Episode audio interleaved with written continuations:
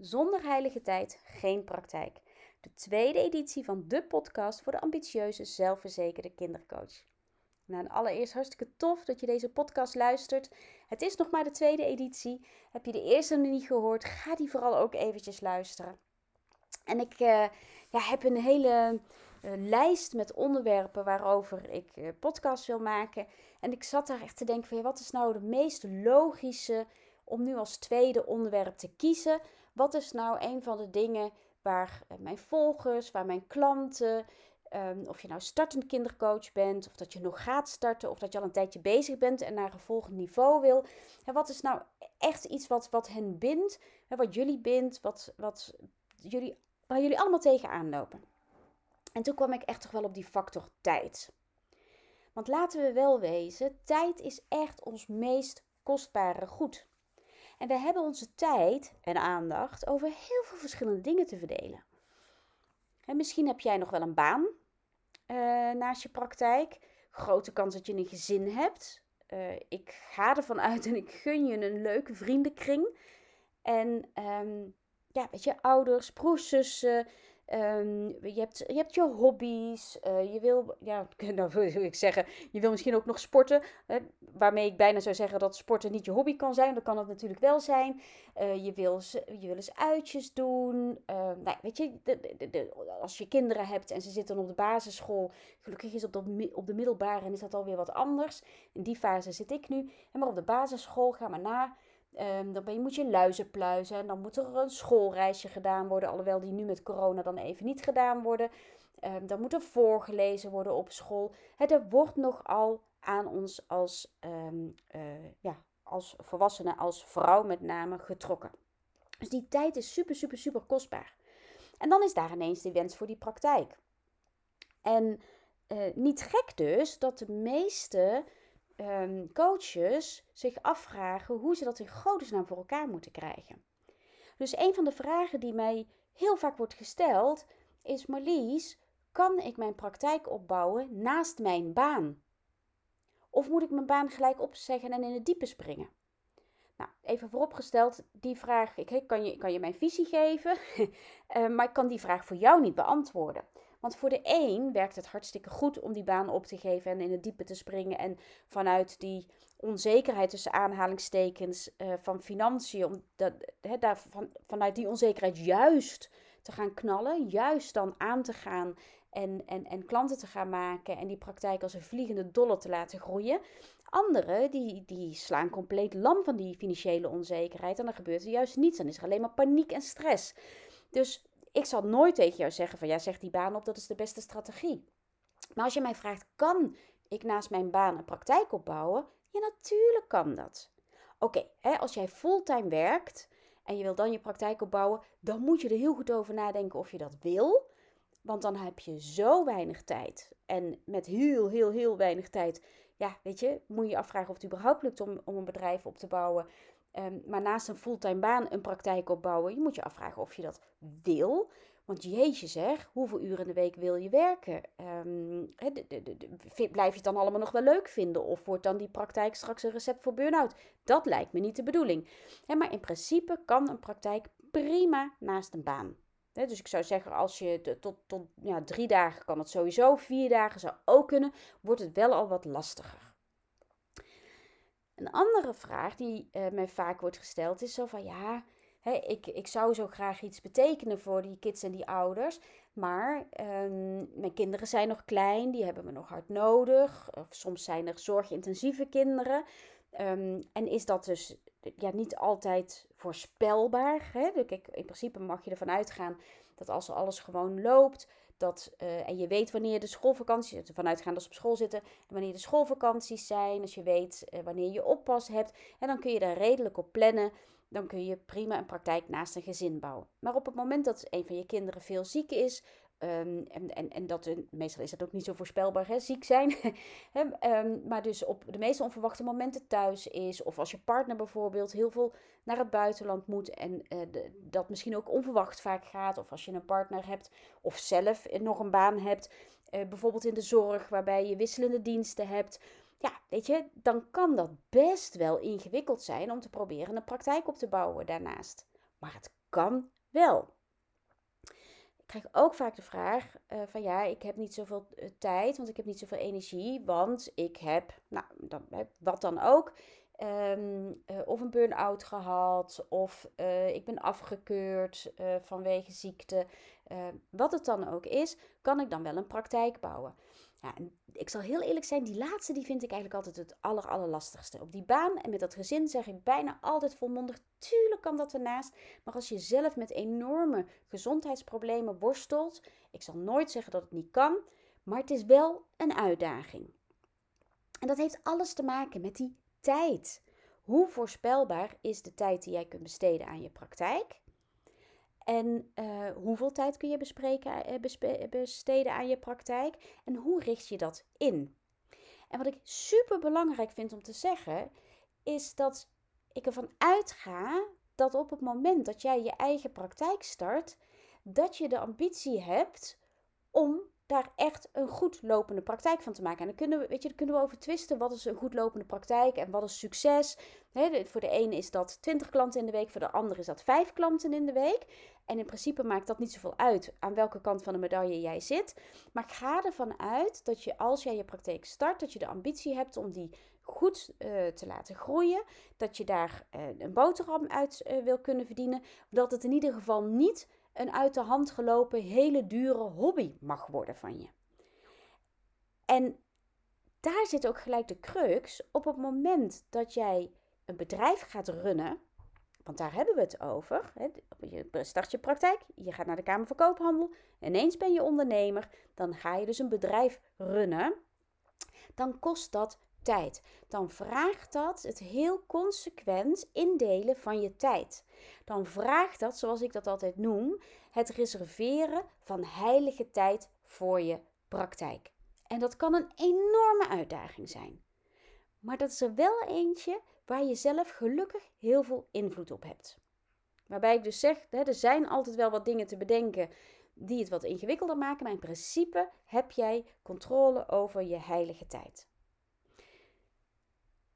Dus wat belangrijk is, is dat je voor jezelf nagaat: oké, wat, wat wil ik met mijn praktijk aan? Hoe ziet die praktijk er in mijn dromen uit? Letterlijk en figuurlijk. Met, in wat voor ruimte werk ik? Met wat voor mensen werk ik? Hoeveel klanten heb ik in een week? Um, uh, hoe lang werk ik met klanten? Uh, wat heb ik nodig om voor mezelf te kunnen spreken over een succesvolle praktijk? Is dat zoveel klanten in de week? Is dat zoveel klanten in de week? Dat je dat heel duidelijk voor ogen hebt. Vervolgens moet je gaan, dan kun je dus uitrekenen hoeveel tijd heb ik nodig voor zoveel klanten. Vervolgens moet je gaan kijken, maar wat heb ik aan tijd nodig om ervoor te zorgen dat die klanten er komen? Want je kunt wel zeggen, oké, ik werk vier dagen in de week, dat betekent dat ik één dag uh, overhoud. Dan heb ik dus één dag voor klanten. Dan kan ik, noem maar eventjes wat, vijf of zes klanten zien op een dag. Dus ik kan vijf, zes klanten in de week hebben. Ja, theoretisch gezien kan dat, maar je moet die klanten nog wel vinden. En die klanten moeten jou zien te vinden. Um, maar dat betekent dus dat je tijd moet investeren in het maken van die klanten. In jezelf zichtbaar maken, in jezelf profileren, in naar netwerkbijeenkomsten gaan. Nou, hoe dan ook en waar dan ook jij jezelf zichtbaar gaat maken, dat kost tijd. Dus ook die tijd um, moet je reserveren. Je moet uitrekenen hoeveel tijd kan ik en wil ik besteden aan de zichtbaarheid van mijn praktijk, zodat ik dat aantal klanten haal dat ik zo graag wil bedienen. Daarnaast, het is niet de bedoeling om je de moed in de schoenen te laten zinken, maar ik vind het wel echt heel erg belangrijk dat je realistisch blijft. Daarnaast moet je heel goed kijken, oké, maar wat komt er nog meer bij kijken? Want als je je eigen praktijk hebt, moet je ook administratie runnen. Uh, als je lid bent van een beroepsvereniging, um, heb je ook nog tijd nodig om aan die verplichtingen te voldoen. En misschien moet je nog intervisie doen. Zou ik je sowieso trouwens altijd aanraden hoor, om intervisie uh, te regelen. Ook als je niet lid bent van een beroepsvereniging. Maar tijd voor intervisie, tijd voor je administratie, tijd voor bijscholing. Um, tijd voor um, het onderhoud van je website. Uh, tijd om, nou ja, weet je, je kan het zo gek niet bedenken, maar het kost tijd. Ook dat moet je meerekenen in de tijd die je moet reserveren voor je praktijk. En dan voel je hem al wel aankomen. Dan is het natuurlijk naast een vier of vijf dagen werkweek, is dat een stukje lastiger dan wanneer je misschien geen baan hebt of, of één, twee of drie dagen in de week werkt. Maar goed, dit kun je dus allemaal bij elkaar optellen. En voor jezelf besluiten, oké, dat betekent dat ik zoveel uur nodig heb om aan mijn praktijk, aan en in mijn praktijk te werken. En ga dan maar eens kijken, waar haal ik in mijn werkweek die tijd vandaan? Is die tijd er wel? En nogmaals, het is niet om ervoor te zorgen dat de moedje in de schoenen zakt, maar om heel realistisch te kijken. Want stel nu dat jij hebt gezegd van, oh, ik zou wel 20 klanten in de week willen hebben, maar jij hebt uh, maar 15 uur in de week, kun jij ergens vandaan ronselen. Um, over het algemeen werk je een uur met je klanten. Wat zei ik? 20 klanten in de week? Ik ben het alweer vergeten welk uh, getal ik noemde. Ja, maar dan heb je het in ieder geval al over 20 uur. En je hebt maar 15 uur. En dan hebben we het nog niet eens over al die randvoorwaarden waar je ook nog tijd in moet steken. Dus dan weet je dat dat geen haalbare kaart is. Dan moet je dus gaan kijken of hoe je meer tijd kunt creëren. Of je moet je ambitie voor het aantal klanten bijstellen kan ook zomaar zijn dat je erachter komt trouwens, dat, dat zie ik ook gebeuren, dat het blijkt dat je veel meer tijd hebt dan je eigenlijk dacht, maar dat je heel veel tijd verlummelt. Want ja, weet je, dat ken ik ook. Dan uh, ga je nog eventjes een wasje in de machine stoppen als je thuis aan het werk bent. En dat geldt voor de meeste kindercoaches wel. Ik werk ook uh, veel thuis. Dan ga je nog eventjes die boodschap doen. Dan ga je nog eventjes dat ene telefoontje doen. Oh, dat pakketje moet nog eventjes weggebracht worden. En zo is de tijd die je hebt voor je praktijk is ook zomaar vervlogen. En als je dat soort dingen allemaal bij elkaar op gaat tellen, hebben we het nog niet eens gehad over de tijd spenderen op social media. Maar als je dat allemaal bij elkaar gaat optellen, dan kun je vaak heel veel tijdswinst boeken juist. Um, dus het kan ook zijn dat je erachter komt als je alles op een rijtje gaat zetten, dat je eigenlijk veel meer tijd hebt dan je dacht. Dus dat er veel meer mogelijk is dan je dat dacht. Maar goed, als je dan dus weet hoeveel tijd je nodig hebt om in en aan je praktijk te werken, dan moet je dus gaan kijken waar haal ik die tijd vandaan? Is die tijd er? En zo ja, hoe zorg ik ervoor dat ik die tijd dan ook daadwerkelijk claim voor mijn bedrijf? Die heilige tijd. En waarom noem ik dat heilige tijd? Omdat het de tijd is voor jouw bedrijf, de tijd voor jouw kindercoachpraktijk, de tijd om jouw droom waar te maken. En die droom is heilig. Punt. Maar zonder dat jij daar tijd voor reserveert om die droom alle kans te geven om waar te maken, of om hem waar gemaakt te krijgen, om hem, nee, om hem waar te maken, zonder dat je daar tijd voor reserveert, gaat het hem niet worden. Dus daarom noem ik dat heilige tijd. Ga in je agenda kijken, oké, dan werk ik aan mijn praktijk en daar is niets, niets aan te veranderen. Oké, weet je, als school belt dat je kind eh, een arm gebroken heeft, dan is het een beetje lullig als je die op het schoolplein laat liggen. Ja, maar in principe moet je dan durven zeggen: Oké, dit is de tijd die ik heb gereserveerd voor mijn praktijk. Dit is de tijd die mij brengt naar het waarmaken van mijn droom. Dat is mij heilig. Dus niemand komt aan die tijd, behalve als je een wel heel goede reden hebt. Die heilige tijd, die krijg je niet zomaar cadeau. Die moet je claimen. En ik zal nooit zeggen dat je, weet je, dat je enorm in conclave moet gaan en in gevecht moet gaan met je familie om, om op voor je rechten op te komen. Daar gaat het niet om. Maar neem alsjeblieft wel je gezin daarin mee.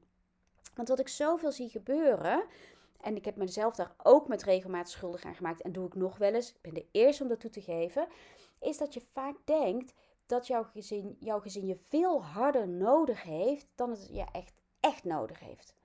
Dat we denken dat we er altijd moeten zijn als onze kinderen uit school komen. Ehm, en dat, um, want ze, ze, zijn gevoelig, of ze zijn snel ziek, of ze hebben het soms lastig op school, of wat er dan ook mag spelen. En dan denk je van ja, maar als ik er dan niet ben om ze op te vangen als ze uit school komen, als ze moeten ontprikkelen, of even bijkomen, of een verhaal kwijt moeten kunnen, zodat ze niet in zak en as zitten, dan faal ik als moeder. Dus ik moet er zijn en dan geef je weer die heilige tijd op. Terwijl als je en nogmaals, er zijn, kunnen hele goede redenen zijn waarom je er wel moet zijn, direct na schooltijd. Maar over het algemeen is het zo dat als je met je gezin in gesprek gaat en zegt van jongens, jullie weten dat dit is wat ik wil, maar dat kost tijd en die tijd moet ik ergens vandaan halen.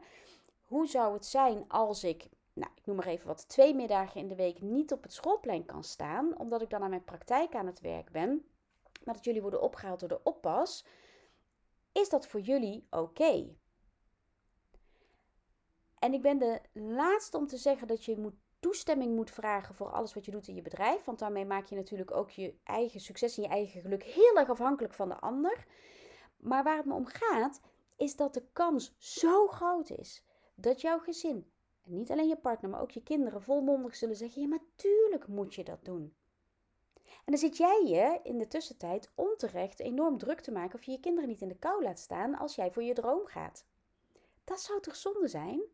Als jij denkt dat ze het heel erg zouden vinden om naar een oppas te gaan, of naar een gastouder te gaan, of naar een BSO te gaan. Nou, die zijn op dit moment dicht, geloof ik, hè, de BSO's. Maar dat ze dat echt vreselijk zouden vinden, terwijl ze het misschien juist hartstikke tof vinden. Niet voor vier of vijf dagen in de week misschien, maar wel voor die ene middag of voor twee middagen. Dus zo denken we al heel snel dat we minder kunnen dan dat we daadwerkelijk kunnen. En dat is, heeft alles te maken weer met die heilige tijd. Dus wat ik je gun, is dat je heel goed gaat kijken, wat heb ik nodig om mijn droom waar te maken? En wat moet ik doen om die praktijk, die droompraktijk van de grond te krijgen? Breng dat maar eens in kaart. Hoeveel tijd kost me dat? Dus niet eerst gaan kijken van hoeveel tijd heb ik beschikbaar. Nee, eerst gaan kijken, als ik, wat is die ultieme droom? Hoeveel tijd kost dat? Dan gaan kijken, hoeveel tijd heb ik beschikbaar? Vervolgens gaan kijken, hoe ga ik ervoor zorgen dat ik dan hoop, hè, ervan uitgaande dat die beschikbare tijd overeenkomt met de tijd die je denkt nodig te hebben. Ehm, dat je, hoe zorg ik er dan voor dat ik die tijd daadwerkelijk claim als mijn tijd om mijn droom te waar te maken? Hoe zorg ik ervoor dat ik die heilige tijd claim? Ja, weet je, en daar kan ik nu nog heel lang over blijven babbelen. Maar dit is eigenlijk wat het is. En het laatste wat ik daarover wil zeggen is. Um, wij vrouwen, en het kan natuurlijk zijn dat er hier ook een man luistert, maar over het algemeen zijn het vrouwen. Maar wij vrouwen zijn zo goed in zorgen voor een ander. Wij zijn zo goed in klaarstaan voor de ander. En ik zal ook never nooit zeggen dat je dat niet meer moet doen. Dat even vooropgesteld. Um, weet je, dat zit in ons DNA. Zo zijn we. Maar daarmee, omdat we zo bang zijn dat we de ander in de kou laten staan, laten we nog wel eens onszelf in de kou staan. Omdat we zo graag willen dat andermans dromen waar worden, dat onze kinderen de mooiste jeugd hebben die jij je kan voorstellen, dat je partner de beste partner heeft die die zich kan voorstellen. En daardoor wil je nog wel eens jezelf zo gaan plooien naar de ander dat je helemaal vergeet dat jij zelf ook nog verlangens en dromen hebt. En dan kan het zomaar zijn dat dat verlangen naar die prachtige droompraktijk op een gegeven moment geen verlangen meer is, maar een hunkeren wordt. En hunkeren is een hele negatieve energie. Daar loop je op stuk. En dan loop je stuk zonder dat je een praktijk hebt. Dat lijkt me echt super zonde. Het lijkt me sowieso zonde als je stuk loopt op je praktijk. dus absoluut zorg ervoor dat dat, dat dat sowieso niet gebeurt. Maar oh, weet je, de, gewoon het idee dat je een droom hebt, een verlangen, dat het je niet lukt om dat, die droom en dat verlangen waar te maken. En dat je dan vervolgens jezelf in de kou laat staan. Dat je ook dat je niet gelukt is. En dat je, ja, weet je, dat je zelfvertrouwen down the drain. Ehm, dat lijkt me toch niet de bedoeling. Dus geef jezelf alsjeblieft een eerlijke kans om die praktijk waar te maken, om er volledig voor te kunnen gaan. En nee, dat hoeft echt niet fulltime te zijn. Maar zorg ervoor dat je wel de tijd die er echt voor nodig is, goed in kaart brengt. En dat je een realistische planning maakt. En dat je vervolgens met je partner om de tafel gaat en zegt van joh, luister, dit is wat ik nodig heb. Dit is mijn heilige tijd. Wil je daaraan meewerken? En dan zul je zien dat er zo ontzettend veel meer mogelijk is. Nou, ik ben heel benieuwd hoe jij omgaat met je heilige tijd. Mag je me natuurlijk altijd laten weten. Stuur gerust een mailtje aan info@jouwsuccespraktijk.nl jouwsuccespraktijk.nl En uh, geniet, maak er nog een mooie dag van. Tot de volgende keer.